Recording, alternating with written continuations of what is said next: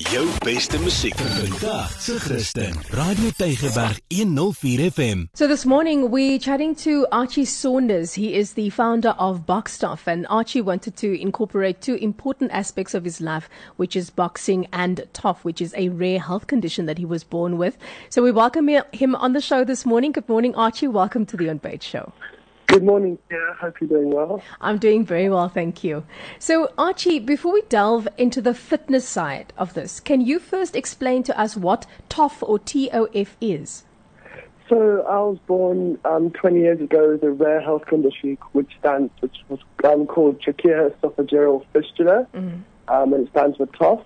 And it's a rare, um, not disease, but abnormalities rather, that um, is not really familiar in South Africa or anywhere in the world.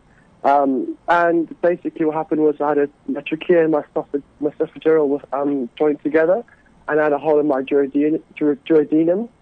Um, and basically, I had 15 surgeries in the space of my first two years of living back mm. in London. Um, moved to South Africa when I was four. Um, ever since I was three years old, I had no more surgeries or ongoing procedures that I had to deal with with TOF. So ever since I was three, I've been fighting fit Mm. And it, I basically wanted to start Boxstuff to create awareness for this because not many people know about it. And just to show the kids that, that do have TOF and the parents who have child who have TOF that you can come out of it and to show that healthy living, boxing and TOF is kind of what I'm aspiring to be.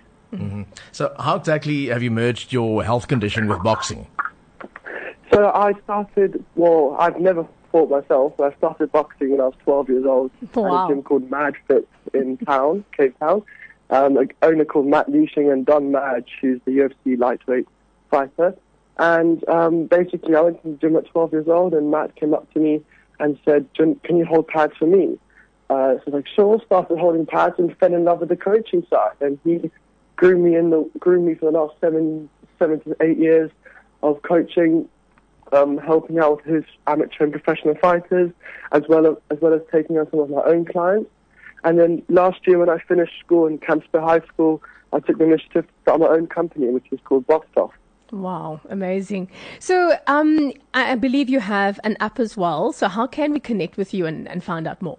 Yeah, so what Boxstuff is, is basically bringing boxing training to clients' homes. Mm. So due to COVID, a lot of uh, trainers and gyms have been doing online classes or uh, via Zoom, whatnot, and we actually come to your house. So you download our app on the Google Play Store or on the Apple App Store.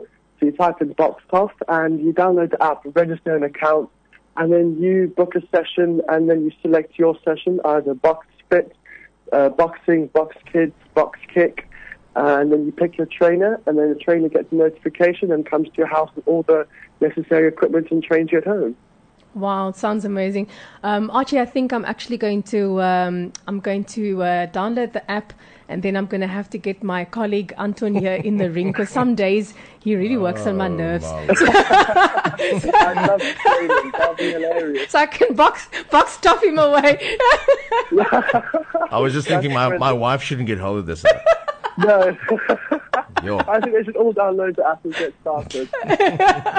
Archie, um, thank you so much um, for joining us this morning. I think it's absolutely amazing that you've taken something and you have decided to just enhance your life and embrace your life and just merge it with something like this. Um, healthy living is so possible in all ways. No, definitely. Well, thank you very much for having me and hope you have a awesome. lovely rest of your Monday. Yeah, thank you, you very much, you too. Jou beste musiek vir vandag se Christen. Radio Tygerberg 104 FM.